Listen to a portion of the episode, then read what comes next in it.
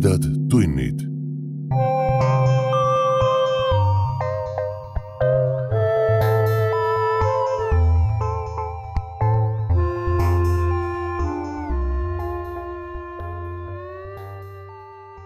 tere, hea ulmesõber. sa hakkad kuulama õudus- ja ulmejutu vestmispodcasti Tumedad tunnid viiekümne viiendat osa. mina olen saatejuht Priit Öövel palju õnne meile sünnipäevaks! Podcast Tumedad tunnid saab täna kuueaastaseks. sel puhul, nagu ikka, natuke statistikat. arvestades ka tänast osa, on nende aastate jooksul teieni jõudnud täpselt üheksakümmend juttu neljakümne ühelt autorilt. kokku üle kaheksakümne tunni kuulamismaterjali. kõige rohkem kuulatakse meid Spotify vahendusel kokku on meie jutte alla laetud sada nelikümmend tuhat korda ja neist muide viiskümmend viis tuhat korda käesoleval aastal. on rõõm tõdeda, et värske kuueaastase tervis on korras ja kasvame mühinal. Teil, kallid kuulajad, on loomulikult võimalik sellele mühinale kaasa aidata, jagades meie tegemisi erinevatel sotsiaalmeediaplatvormidel ja hakates meie toetajaks veebilehel patreon.com kaldkriips tumedad tunnid. seal ootavad teid juba kaheksakümmend viis inimest ja kakskümmend tundi lisakuulamist. muide, jagamisest ja toetamisest võib teilegi tulu tõusta juba nädala pärast, kui kuulutame taas kord välja tumedate tundide suure aastalõpuloosi. jälle võib võita hulgaliselt head eesti kirjandust ja tumedate tundide meeneid aga nüüd tänase jutu juurde. see jutt on ilmunud ulmeajakirja Reaktor kahe tuhande kaheteistkümnenda aasta novembrinumbris. kui te mäletate, siis selle aasta kahekümne esimesel detsembril pidi saabuma maailma lõpp. teadaolevalt seda tollal siiski ei tulnud. või vähemalt ma ei märganud küll aga seda juttu praegusel hetkel maailmas toimuva kontekstis kuulates ja selle kõrvale hajameelselt Päästeameti Ole valmis brošüüri sirvides, tundub, nagu oleks see kirjutatud hoopis tänavu saabuvat talve silmas pidades. ma loen teile Tea Lalli müstilise loo kahekümne esimene detsember.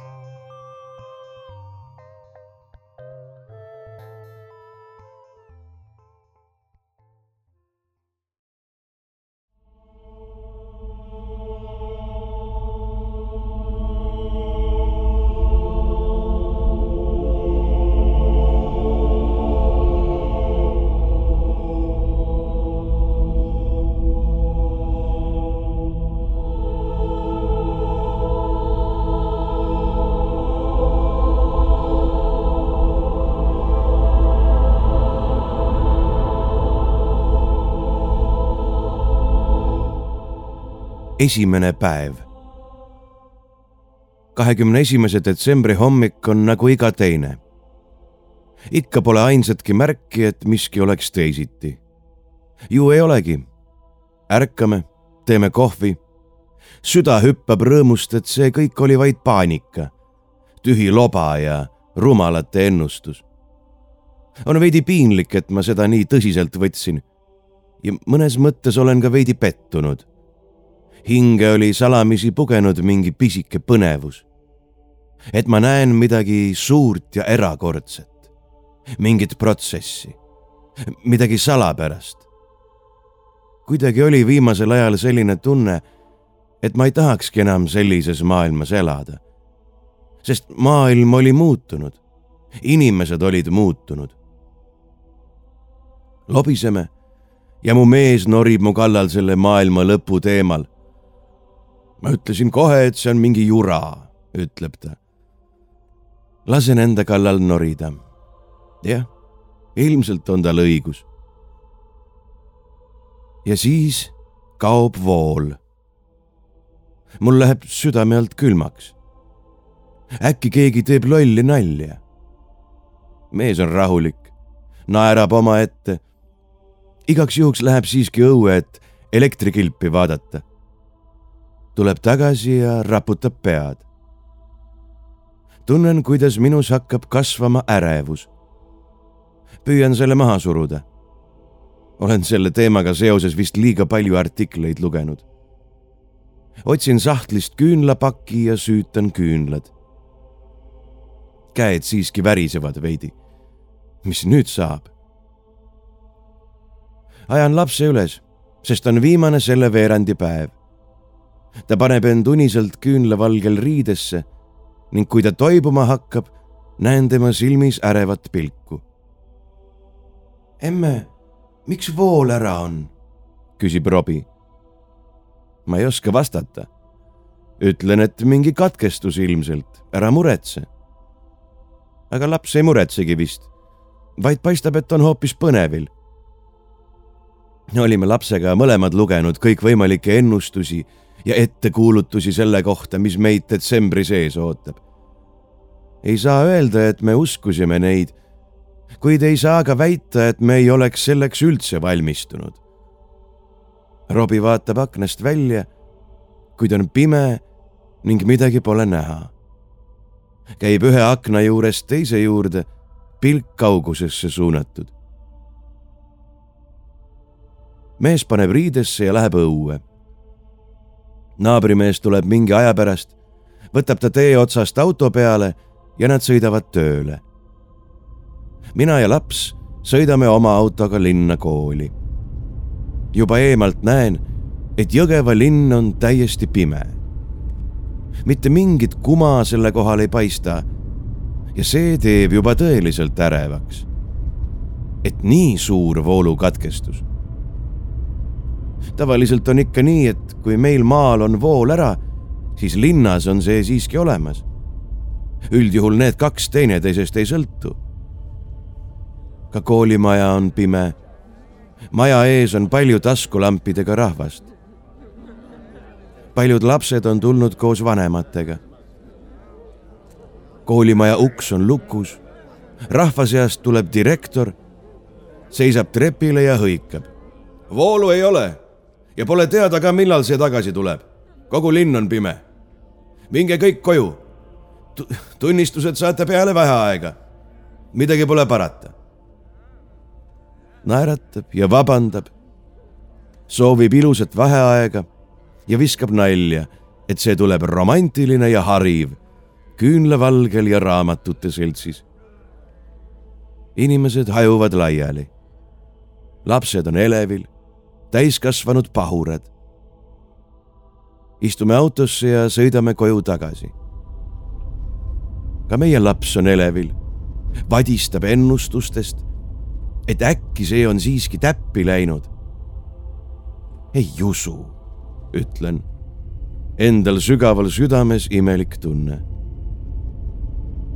jõuame koju mees on ka koju tagasi tulnud, sest vooluta ei tule ehitusobjektil töötamisest ju midagi välja. istume ja ootame. puurime pilgud läbi pimeduse küla suunas, aga mitte ainsatki valguskiirt meieni ei ulatu. isegi ühtegi kuma mitte. õues ei hakkagi valgenema. kell on üheksa läbi, aga on ikka kottpime voolu ei tule. möödub tund. õues on endiselt pime. ma proovin oma vanemale pojale Martinile helistada. saan ta korraks kätte. ta kurdab, et vool on ära. kuulen tema hääles väikest ärevust. hakka kohe tulema, jõuan öelda.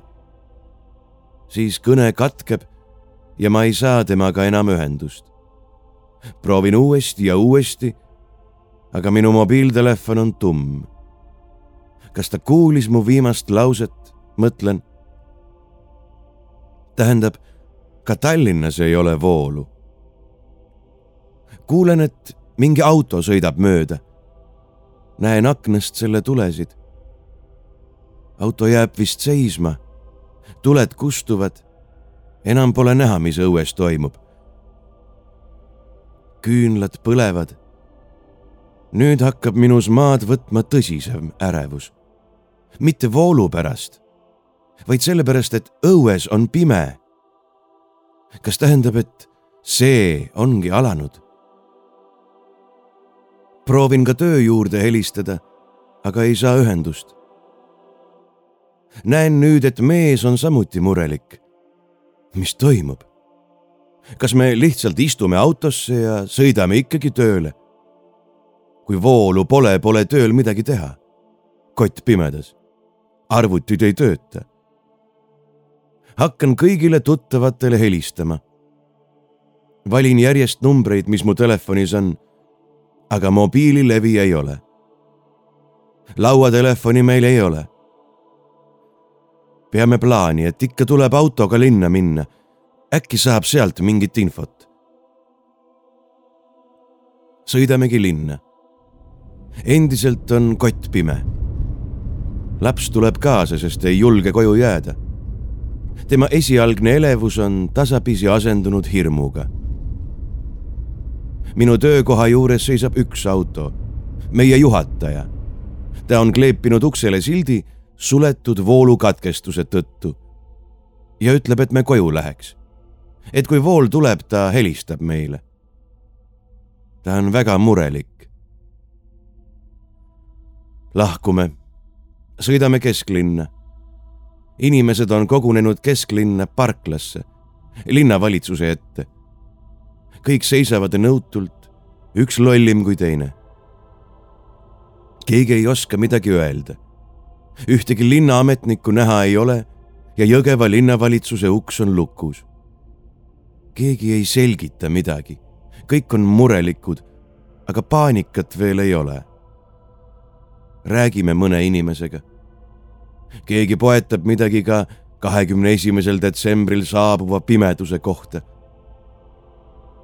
enamikel pole varutud toitu ega vett. midagi ei ole varutud. ootavad, kui korteritest soe kaob, mis siis saab? ka vett ei tule kraanist. Mis edasi saab, ei tea keegi. ikka ei usuta, et see on kurikuulus kahekümne esimene detsember.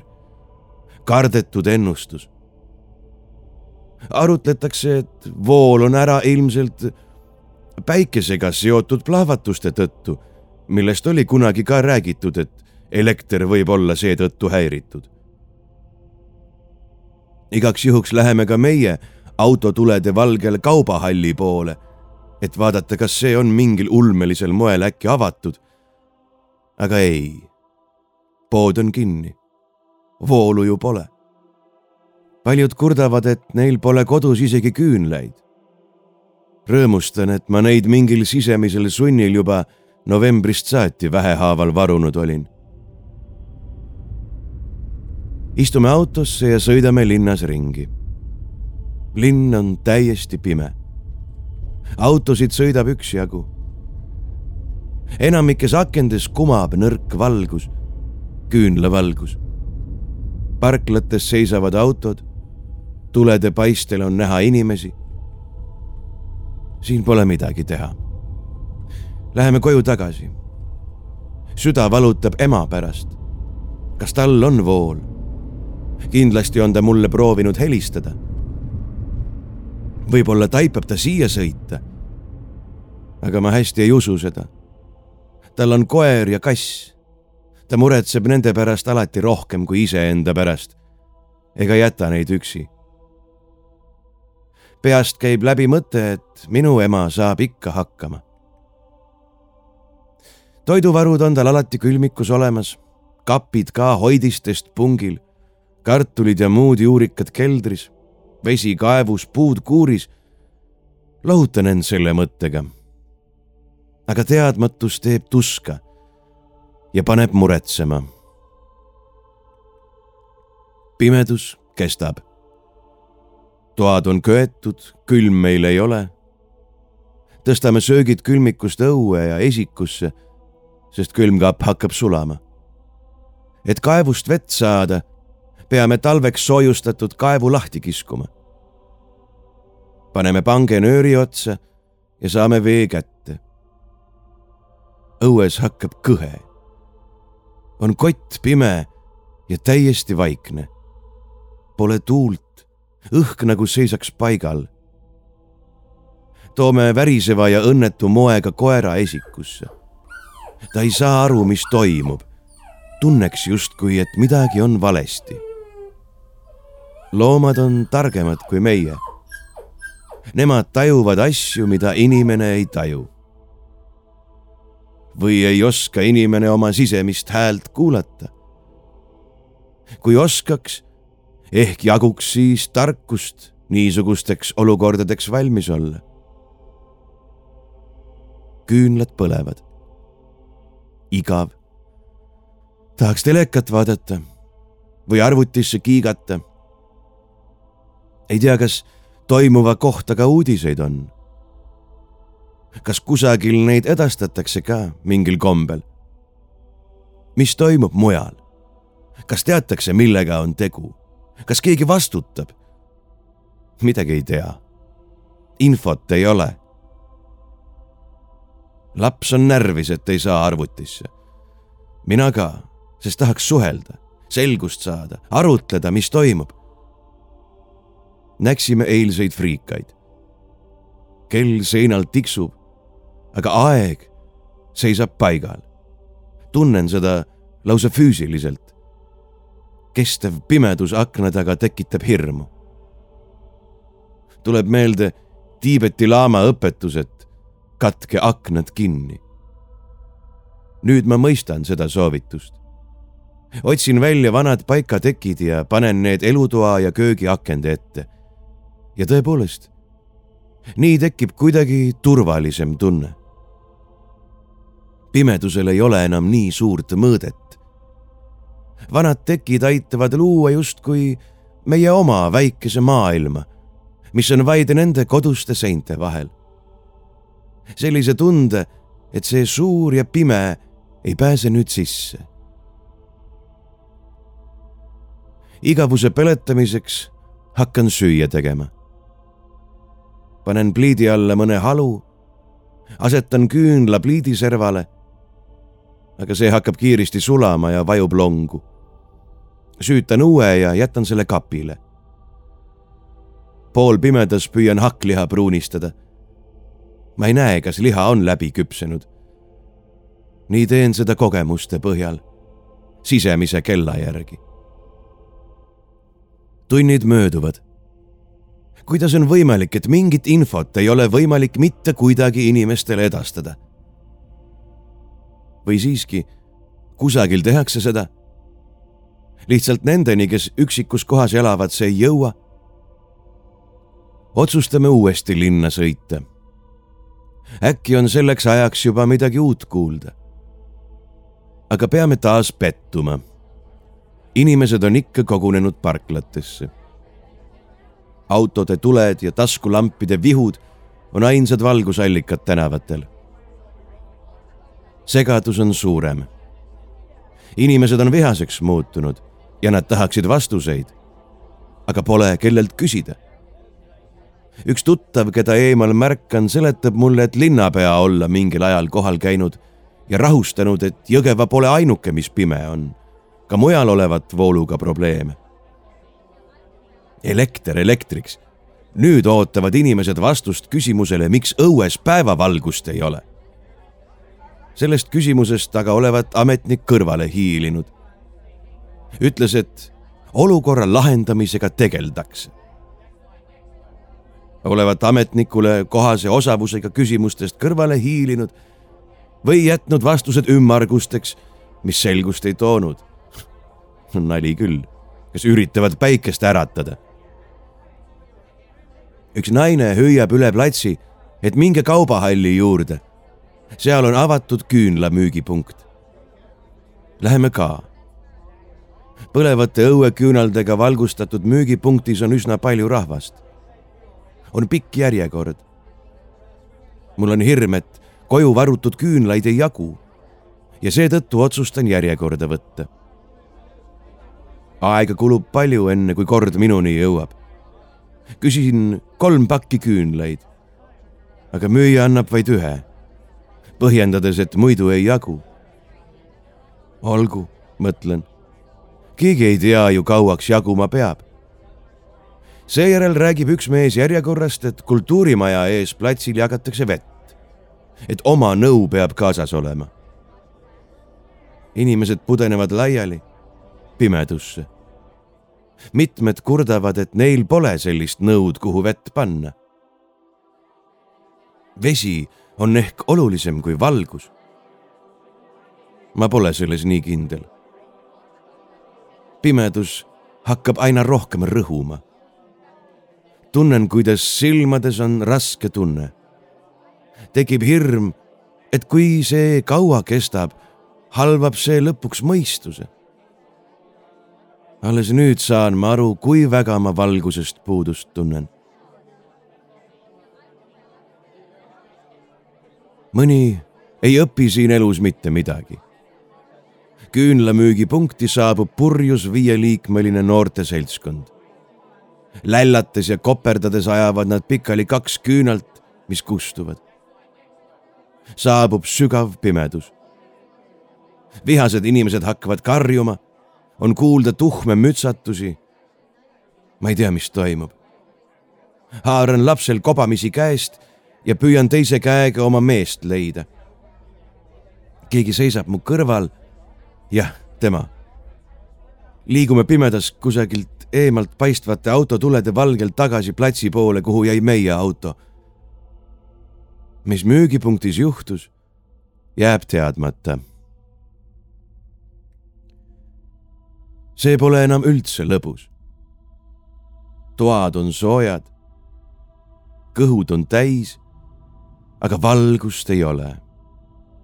ja alles nüüd tuleb mulle meelde raadio.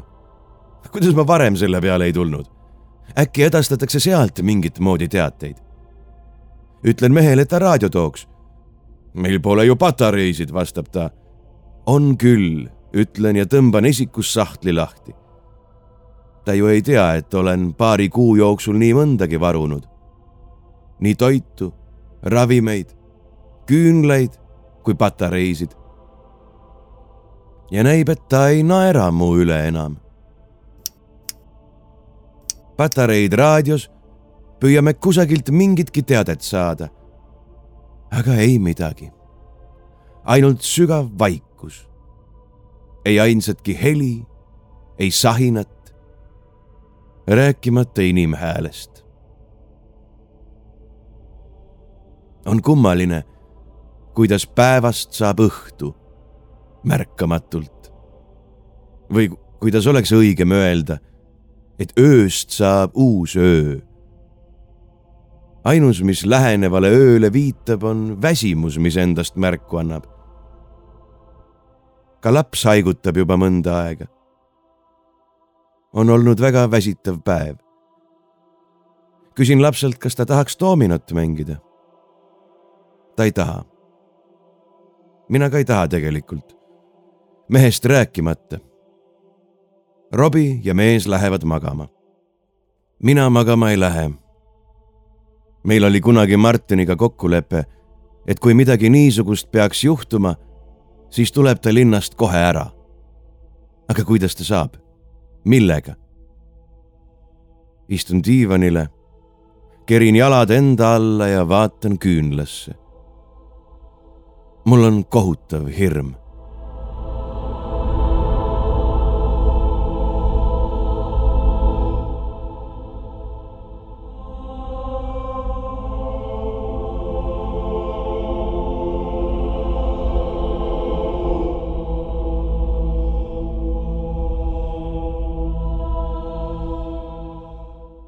Teine päev.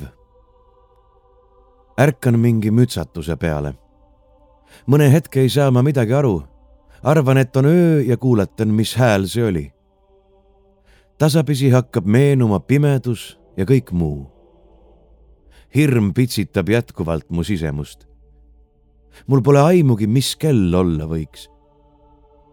teised vist magavad veel. hea meelega magaks edasi, et reaalsusest pääseda.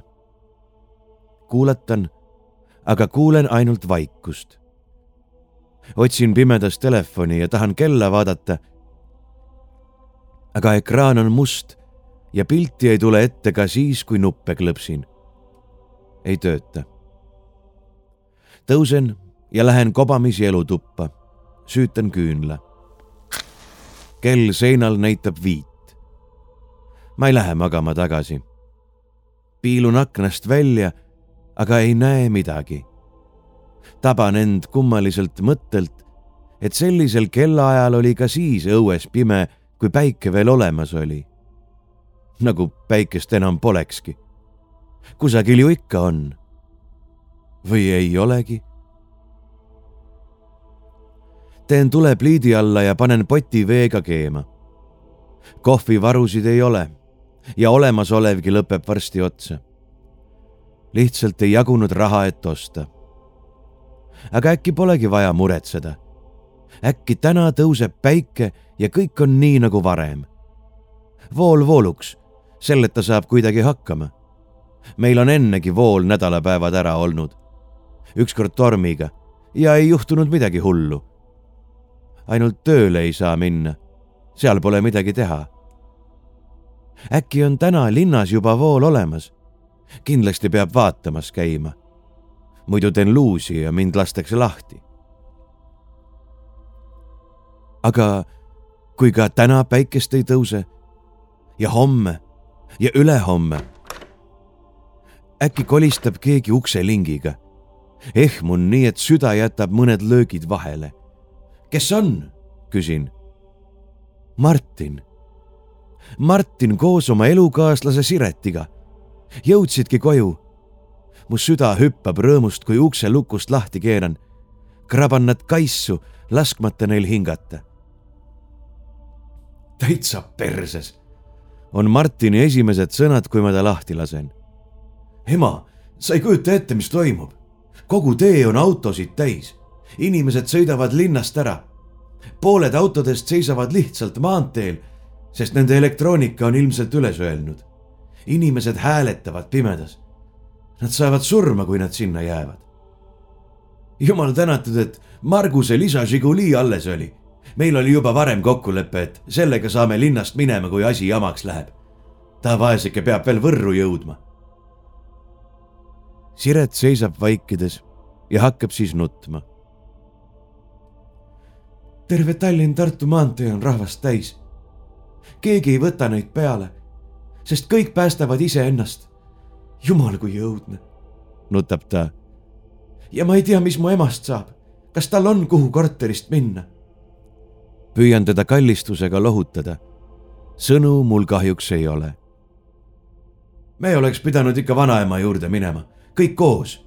siin oleme külale ja linnale liiga lähedal me ei tea, mis meid ees ootab ühel hetkel on võib-olla kogu see rahvas meie ukse taga, ütleb Martin ja tal võib õigus olla. aga nüüd on hilja ära minna. panen ukse uuesti lukku. Martin toksab jalaga oma suurt musta kotti, mille ta on esikusse tirinud. see on söögikraami täis. krabasime kaasa kõik, mis kappidest võtta oli. küünlaid on ka mõni pakk mul pole aimugi, kui palju meil võiks viie peale toitu kuluda. aga usun, et nälga me ei jää. muidugi ei tea me, kaua see olukord kestab, kuid paar kuud peaksime ehk oma varudega toime tulema. nii ma vähemalt loodan. kui see kestab kauem, siis ma ei tea. ma ei suuda siit edasi mõelda. kas Tallinnas hoiatati inimesi voolukatkestuse eest? Öeldi kusagil uudistes, mis toimuma hakkab? küsin närviliselt. Martin raputab pead. ei, mitte midagi. uskumatu. vesi hakkab pliidil kahisema. ka mees ärkab ja taarub unisena kööki. rõõmustab lapsi nähes. voolu ei ole ikka, jah? küsib. raputan pead. ka tema kõnnib akna juurde kergitab teki serva ja vaatab pimedusse. aga akna taga ei ole üllatust. on vaid seesama tihe pimedus. ka tänane päev ei too valgust. Õnneks läheb meie vana auto käima. me riskime ja käime veel kord linnas. minu töökoha uksel ripub eilne silt. sõidame kesklinna autosid on hõredamalt. Märkame kaubahalli ees kuma ja askeldamist. jätame auto poe ette parklasse ja läheme vaatama. müüakse patareisid, kuivaineid, küünlaid ja tikke. on pikk-pikk järjekord. võtan sappa. igaks juhuks ostan veel kaerahelbeid, tikke, küünlaid näen paari tuttavat ja uurin, kas nemad ehk on kuulnud, mis toimub. aga ei, ka nemad pole targemad. inimesed on väga murelikud ja paljud ka vihased ja õigustatult. me läheme koju tagasi. ka koduteel näeme seisvaid autosid. inimesed hääletavad. on külm. mul on raske neid mitte aidata, peale võtta, kuhugi viia see pole mulle omane. Alateadlikult tunnen, et ma ei saa nende heaks midagi teha. ja ma palun mõttes nende ees andeks. meie kodu on uppunud paksu pimedusse, nagu kogu maailm meie ümber. suudame taskulambi valgel ukseni taaruda. on veidralt tuulevaikne. vaatan taevasse, nii selget ja kirgast tähistaevast pole tükk aega näinud. Tasakaal lööb pilkases pimeduses kõikuma ja ma peaaegu kukun. taskulamp on praegu kõige olulisem asi. vinname kaevust selle valguses veel paar pangetäit vett. jumal tänatud, et meil see võimalus on, mõtlen. naabritel võsa taga on puurkaev, mis töötab vaid elektriga. ja neil on paarikuune beebi ma ei julge edasi mõelda. Lapsed istuvad soojas toas ja mängivad kaarte. ma ei taju nende juures õnneks suurt hirmu ega muret. ja äkki tunnen, et me saame hakkama. meil on toitu, meil on vett ja meil on kütet. kui see kõik kestaks vaid paar päeva. kui me õhtul magama heidame soovime, et homme oleks kõik vanaviisi. Mu süda on rahulikum, sest oleme lastega koos. vaid ema pärast olen endiselt mures, aga annan endale aru, et ma ei saa midagi muuta.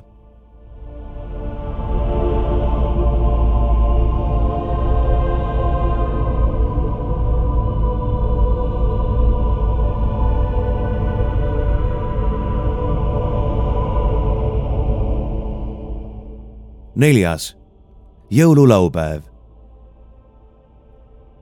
kui eilne päev möödus vaatamata kõigele üsna rahulikult, siis täna kipub maad võtma masendus. mõtlen iga päev emale, kuidas ta hakkama saab. püüame oma pimedaid päevi kuidagi sisustada. loeme, jutustame, mängime lauamänge. aga kõik on mornid püüan mõelda, et vool on ajutiselt ära, ei enamat. Ja varsti tulevad elektrikud ning kõik saab korda. mõneks hetkeks tundubki mulle, et tegu on tavalise nädalavahetusega, kui lapsed on kodus ja meil on hea koos olla. pimedus on kõige hullem. küünlaleek kipub värelema ja see on vastik. silmadel on raske. lugeda saab vaid jupikaupa õues on täielik vaikus. õhk ei liigu, mitte ainsatki häält pole. ja kogu seda paksu pimedust katab jätkuvalt kirgas tähistaevas. õues on külm. hull lugu on koeraga. ta ulub ja me ei saa selle pärast magada. täna on jõululaupäev ja me otsustame kõige kiuste kuuse tuppa tuua ma tean ka pimedast peast, kus täpselt meie maja juures väiksed kuused kasvavad. saak käes, taskulamp valgustamas, läheme ja võtame ühe kuuse maha. pärast, kui me kuuselõhnalises toas sööme, mõtleme me neile, kellel süüa ei ole. ja neile, kes jäid linna või kusagile teele. Neile, kes on üksi ja kellel on külm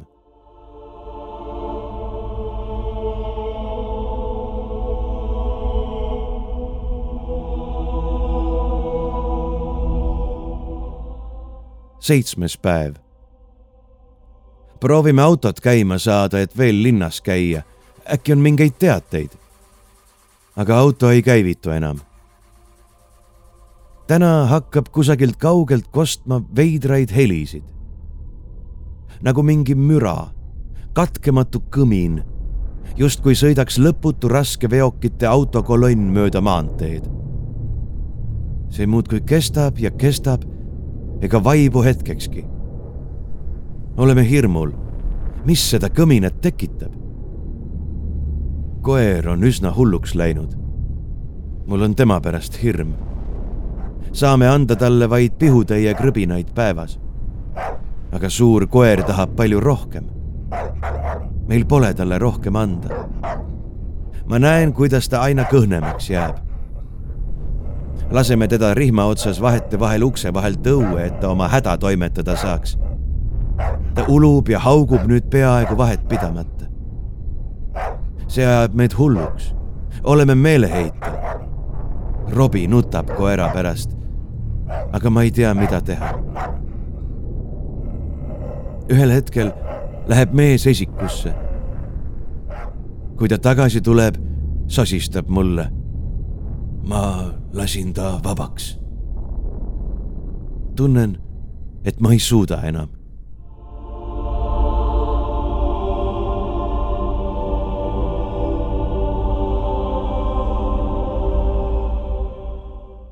kümnes päev, vana aasta viimane. kõmin aina kestab ja kestab. õues on kohutavalt külm meie kraadiklaas näitab miinus nelikümmend kolm. Jõgeva püstitab ilmselt uue külmarekordi. kui me mehega kaevu juurde läheme, näeme äkki põhja pool taevasse kerkimas tohutuid rohelisi sambaid, nagu oleks keegi võimsad prožektorid ülespoole suunanud. tahan esimese hooga tuppa tagasi minna ja lapsi vaatama kutsuda. aga järgmisel hetkel kui need laiad sambad taas hooga üles paiskuvad, kukun ma põlvili. mu peas tekib imelik tunne, nagu valitseks seal mõõtmatu tühjus. nagu oleks võetud mu peast kõik, mis seal seni olnud, kogu mälu, kõik mõtted. ma tunnen, nagu läbiks mind tohutu elektrilaeng. haaran kätega peast, sest see ähvardab lõhkeda see on talumatu tunne. jõuan märgata, et ka mees on maha kukkunud ja hoiab hoiates pead kinni. nüüd on kõik, mõtlen. nüüd me sureme. ma püüan end püsti ajada ja toa poole joosta, aga jalad ei allu. ma kukun uuesti maha ja hoian peast, et see ei plahvataks. kui nii, siis nii millegi nii võimsa vastu me ei saa. alistun mõttes ja jätan lastega hüvasti. kui ma silmad lahti teen, olen toas, voodis. kas uni? aga ei. Martin vaatab mind murelikult ja ütleb siis vaikselt. see läks mööda. mis see oli? Mu pea kumiseb. olen nõrk ja märkan äkki, kui kahvatud on kõik, kes mulle kallid.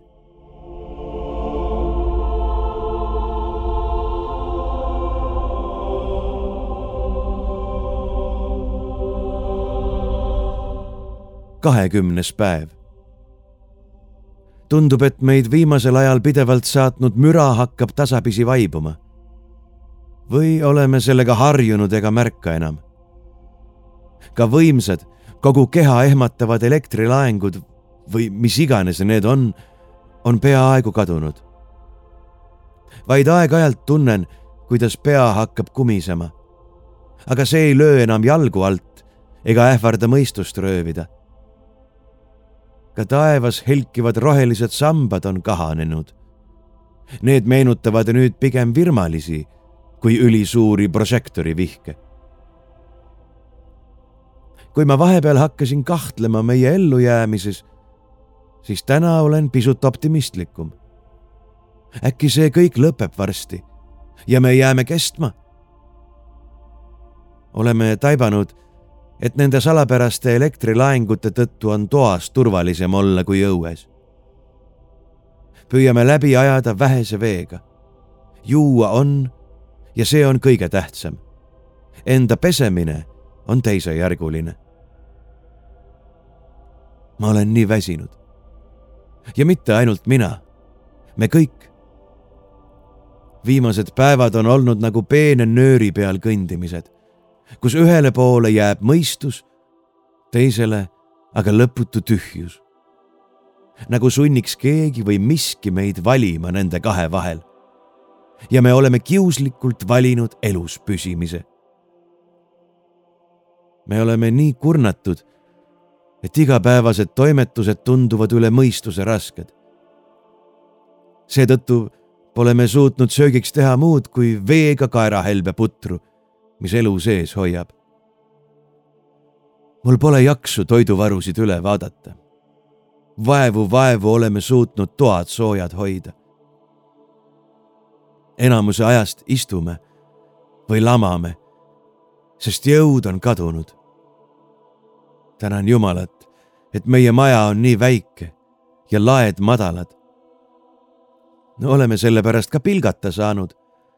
kord, kui mehe rikkad sugulased meile esimest korda külla sattusid, olid nad meie majakesest nii šokeeritud, et soovitasid selle kohe ümber lükata ja hakata uut ehitama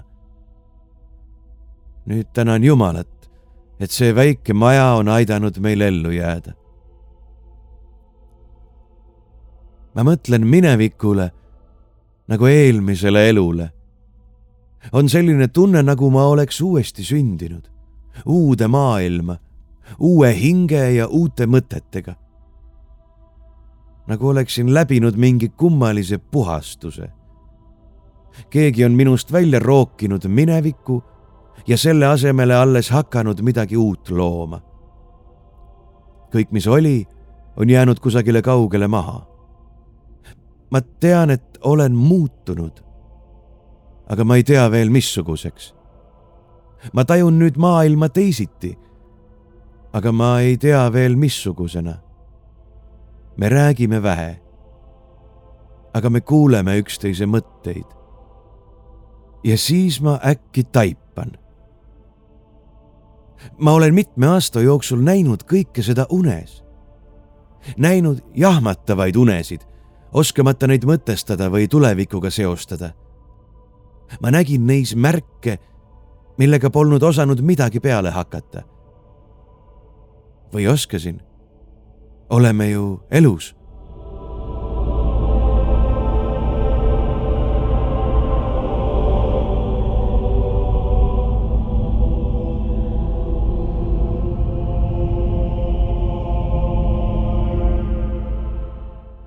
kahekümne mitmes päev.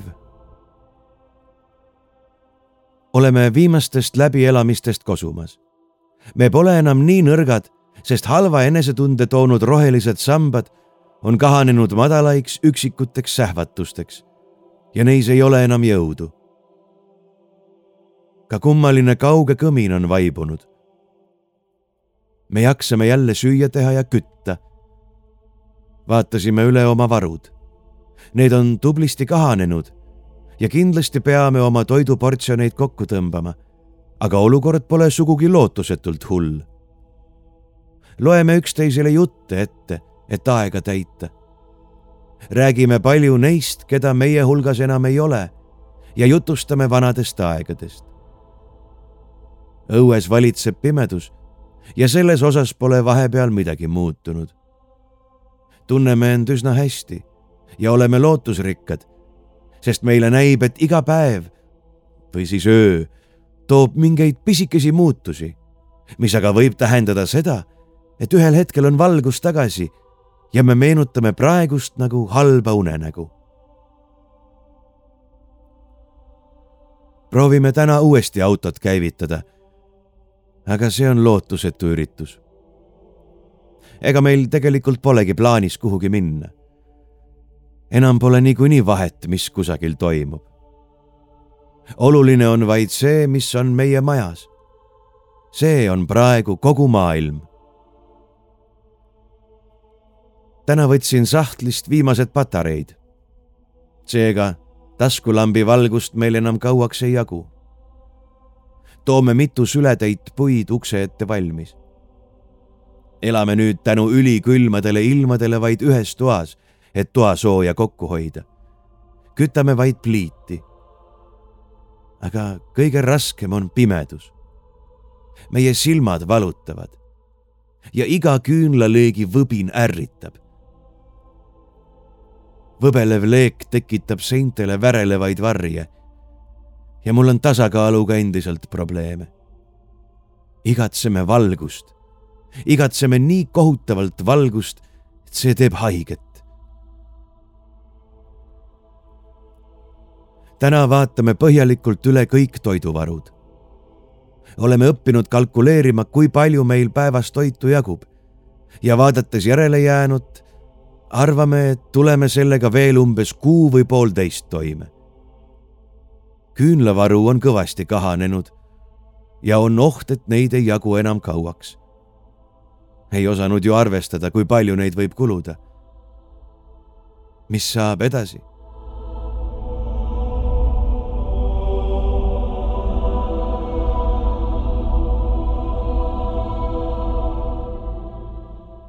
Umbes kolmekümnes päev. pean päevade kohta arvestust, aga ei viitsi kalendrist üle vaadata, mitmes päev see täpselt on. sest tegelikult pole numbritel praegu vähimatki tähtsust. aeg seisab, pole päeva ega ööd. on üks ja suur, aina kestev pimedus. mõnikord näeme taevas sähvatusi me ei torma enam õue, et näha, millega tegu. hoiame end majas varjul, sest nii tundub kindlam. vaid vee ja puude järel tuleb iga mõne päeva tagant käia. ma mõtlen aina emale. kui ta vaid üksi ei oleks. sest üksindus pilkases pimeduses ei jätaks kedagi ellu. nüüd ma tean seda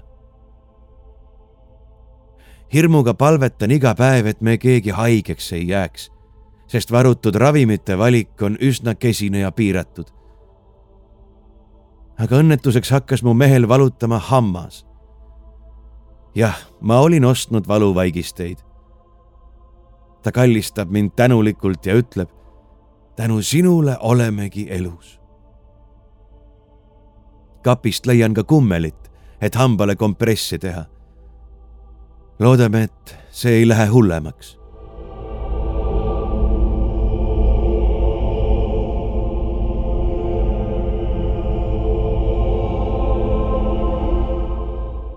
ja veel mõni päev hiljem. probleemid, millest tulime läbi mõni aeg tagasi, on asendunud uutega. meie maja ümber käivad inimesed. Nad koputavad ustele ja akendele ja paluvad abi. ma kardan, et nad lõhuvad aknad ära. mul jääb süda seisma, kui Martin oma kotist püstoli välja koogib. kui ma talle ehmunult otsa vaatan, ütleb ta. ema, kui on vaja, siis me kaitseme end. me oleme endal vaatamata kõigele elu sees suutnud hoida ja ei lase nüüd kellelgi seda röövida. tunnistan, et tal on õigus mu kõht hakkab relva nähes valutama ja ma palun Jumalat, et me seda kasutama ei peaks. ja järjest enam tundub mulle, nagu vaataksin mõnda juba nähtud maailmalõpu filmi. mu süda valutab kohutavalt. tunnen mõne inimese hääle järgi ära. olen ju üle kolmekümne aasta siin elanud. kas tõesti pole keegi korraldanud neile inimestele mingit abi jagamist? Ma ei suuda uskuda, et terved linnatäied inimesi on jäetud saatuse hooleks. korteritesse, kus pole kütet ega vett. ma ei talu enam nende palveid, olen murdumas. aga ma annan endale aru, et ei jõua neid aidata. meil ei jagu toitu võõrastele. me ei tea, kauaks meile seda endilegi jagub. Ühel korral, kui kuulen ukse taga oma hea tuttava hädist palumist, torman uksele ja teen selle poikvele. ma ei tunne teda esimese hooga äragi. nii kõhn ja luine on see inimene. aga ta palub vaid vett. jah, muidugi me saame vett anda, seda me ikka saame. õues on soojemaks läinud. külm ei lõika enam ihusse näeme, et iga päev toob pisikese muutuse. aga mille poole ja kas paistab kusagil helge lõpp?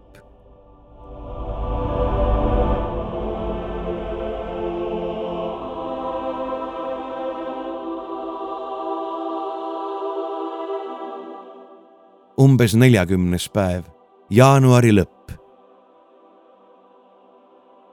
kõik toalilled on välja surnud meie koer ei ole tagasi tulnud. ulguvad naabrikoerad on jäänud vait. inimesi käib ikka maja juures. oleme vagusi ega reageeri nende koputustele ning nad kaovad pimedusse. jõuavad nad veel kusagile, kust abi saab? või kust saab üldse abi? kardan, et kui see õudus lõpeb, on meie õhu surnuid täis ma ei näe, mis väljas pimeduses toimub ja see teeb mind aina ärevamaks. taskulambis on viimased patareid, mis kohe tühjaks saavad. viimase vee ja puud tõime küünlavalgel. oleme kõik kohutavalt väsinud. kogu aeg tahaks magada. pikalt kestnud pimedus teeb meid aina unisemaks nii magamegi iga paari tunni tagant. Õnneks olin varuks ostnud teed, suhkrut ja mett. oli ka kast õunu ja hulk hoidiseid, mis nüüd on peaaegu otsas. Neist oleme saanud lisa muidu suht kesisele toidule, et natukenegi vitamiine ja energiat ammutada. kuid kõik varud hakkavad lõppema oleme oma toidu päris koomale tõmmanud. alles on vaid kuivaineid, millest veega putrusid keedame. liha on juba tükk aega otsas. munad ja piim on veel vaid ähmane mälestus. me räägime vähe ja oleme väga vaiksed. oleme tublisti kaalu kaotanud, aga Robbie on eriti kahvatu ja kõhn. mina olen teistest tsipa paremas seisus sest minul oli rasva rohkem. alles tagantjärgi olen mõistnud seda müsteeriumi, millega võtsin viimasel aastal täiesti lambist ligi kümme kilo juurde. minu keha teadis järelikult, mis ees ootab ja kogus varusid. ma olen ise vast kõige vähem söönud, sest muretsen teiste pärast. kardan, et toitu ei jagu ja nii hoiangi enda pealt kokku mujalt pole enam kokku hoida. toon isikust viimase õunakribala ja annan Robile. ta hammustab ühe ampsu ja annab selle vennale edasi. mina jätan enda ampsu vahele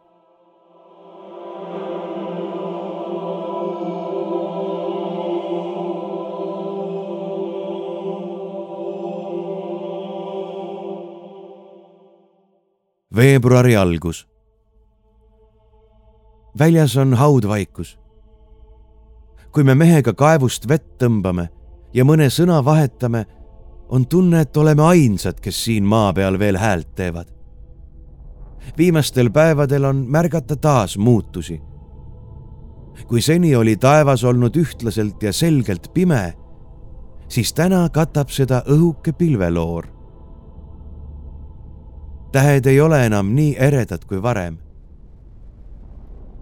tundub ka, nagu oleks kogu taevas segi paisatud. me ei leia enam suurt ega väikest vankrit.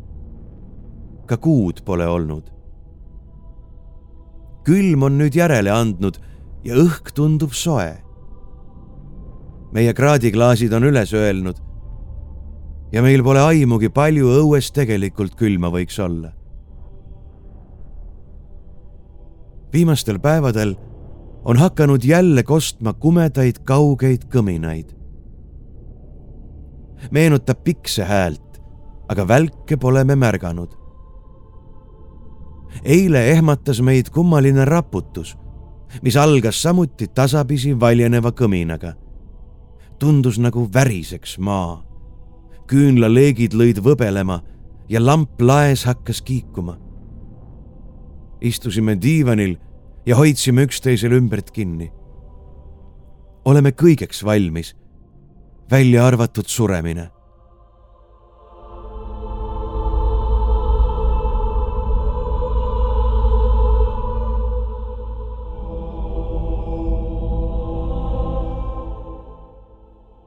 mõni päev hiljem.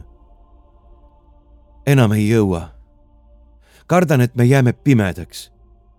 Silmad on rasked ja neis on vastik tunne. meie reovee kogumispaak on täis saanud ja me ei saa enam toas vetsus käia. õue minek aga pole turvaline, sest sealt kostub veidraid hääli, millele me enam seletusi otsida ei viitsi. toon esikusse pange, kus asjal käia. teist võimalust pole. oleme nii tüdinenud. Ma oletan, et me kõik nutame aeg-ajalt aga ei näita seda teistele välja. silmad punetavad kõigil. vaatamata kiduratele küünlasilmadele, mis meie olemist valgustavad, ei jää see mulle siiski märkamata. mul on kõige suurem mure Robbie pärast, sest ta on väga kõhnaks jäänud ja viimastel päevadel on tal kõht lahti.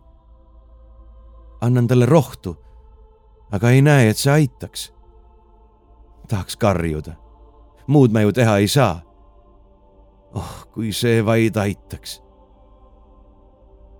Lähen õue, et sületäis puid tuua ja karjun seal riida ääres nagu kõri võtab. ehmun, kui keegi karjub äkki vastu.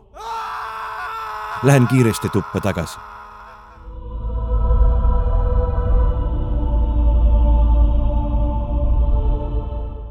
järgmine päev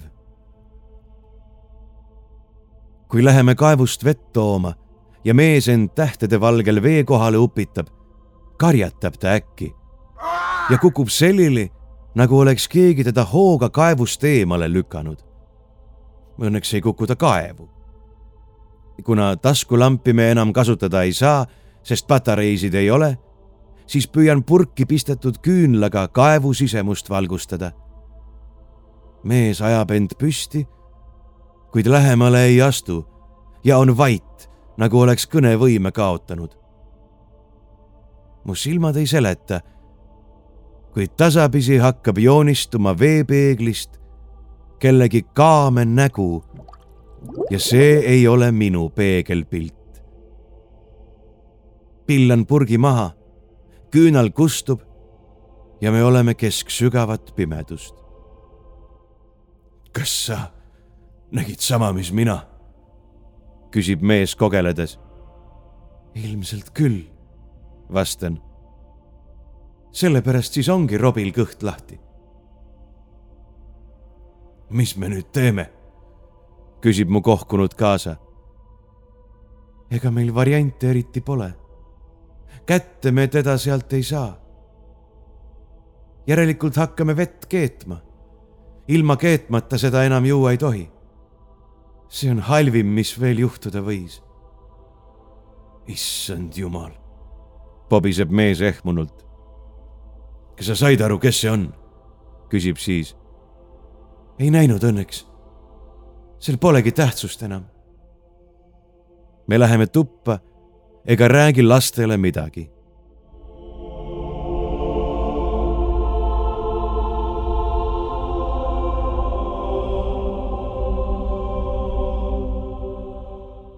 päev, mitmes, sel pole enam tähtsust.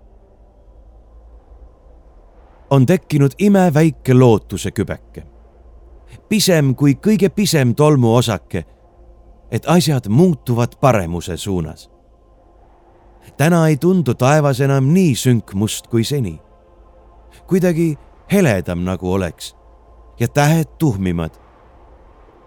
lisaks sellele on tekkinud väike tuul.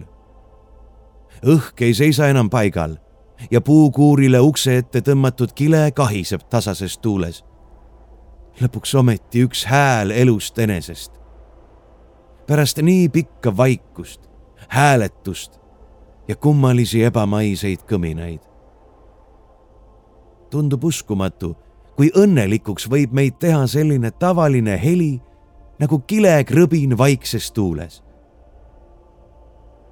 Kutsun lapsed välja seda imet vaatama, kuulama ja me rõõmustame kõik südamest. tunneme, kuidas õues on kergem hingata. oleme täna taas lootusrikkad.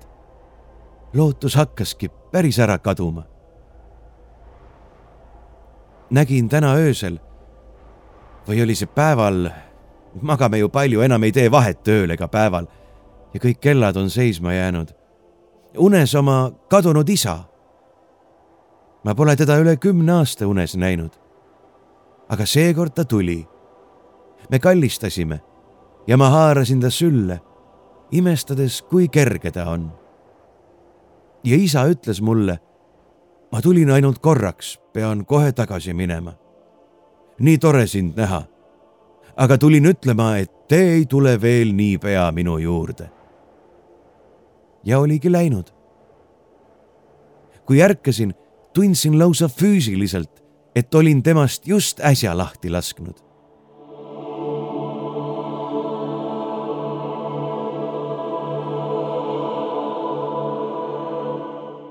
esimene päev, esimene.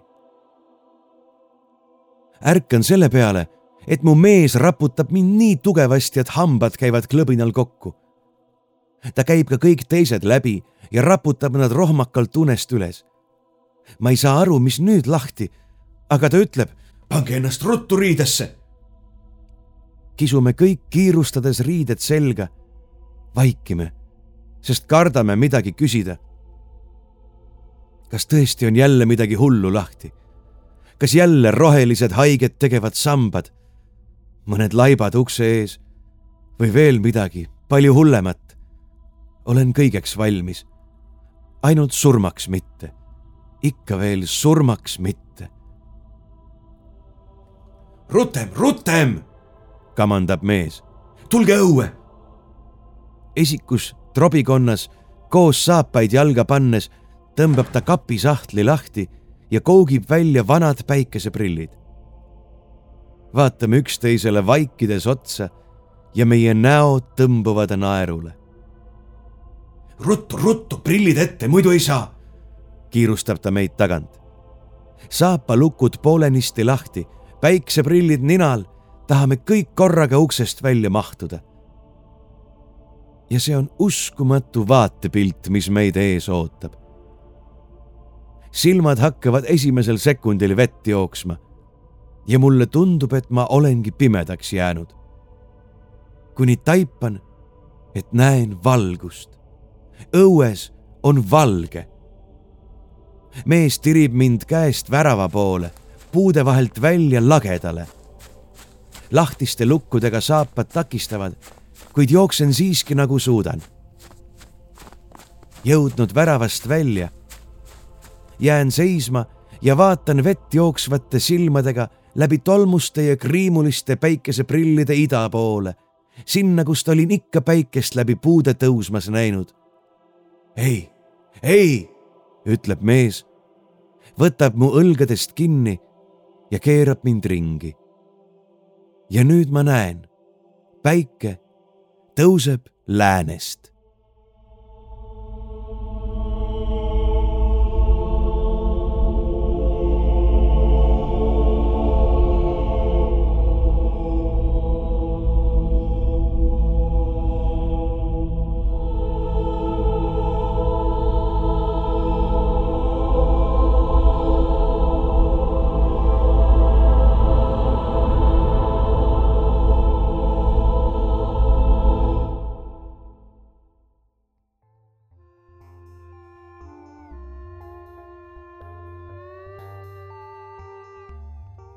Te kuulsite Tea Lalli müstilist juttu kahekümne esimene detsember. me kohtume teiega juba jõulupühade ajal, kui saab ilmuma suisa kaks juttu kahes osas juba tuttavaks saanud jõuluaja peategelase osavõtul. lisaks neile saavad meie toetajad kuulda veel ka paari tõlkejuttu Tumedad tunnid ekstra järjekordses osas. nagu ikka, jagage meid vahepeal oma sõprade ja vaenlastega ning võimalusel hakake meid toetama veebilehel patreon.com kaldkriips tumedad tunnid. kõhedate kuulmisteni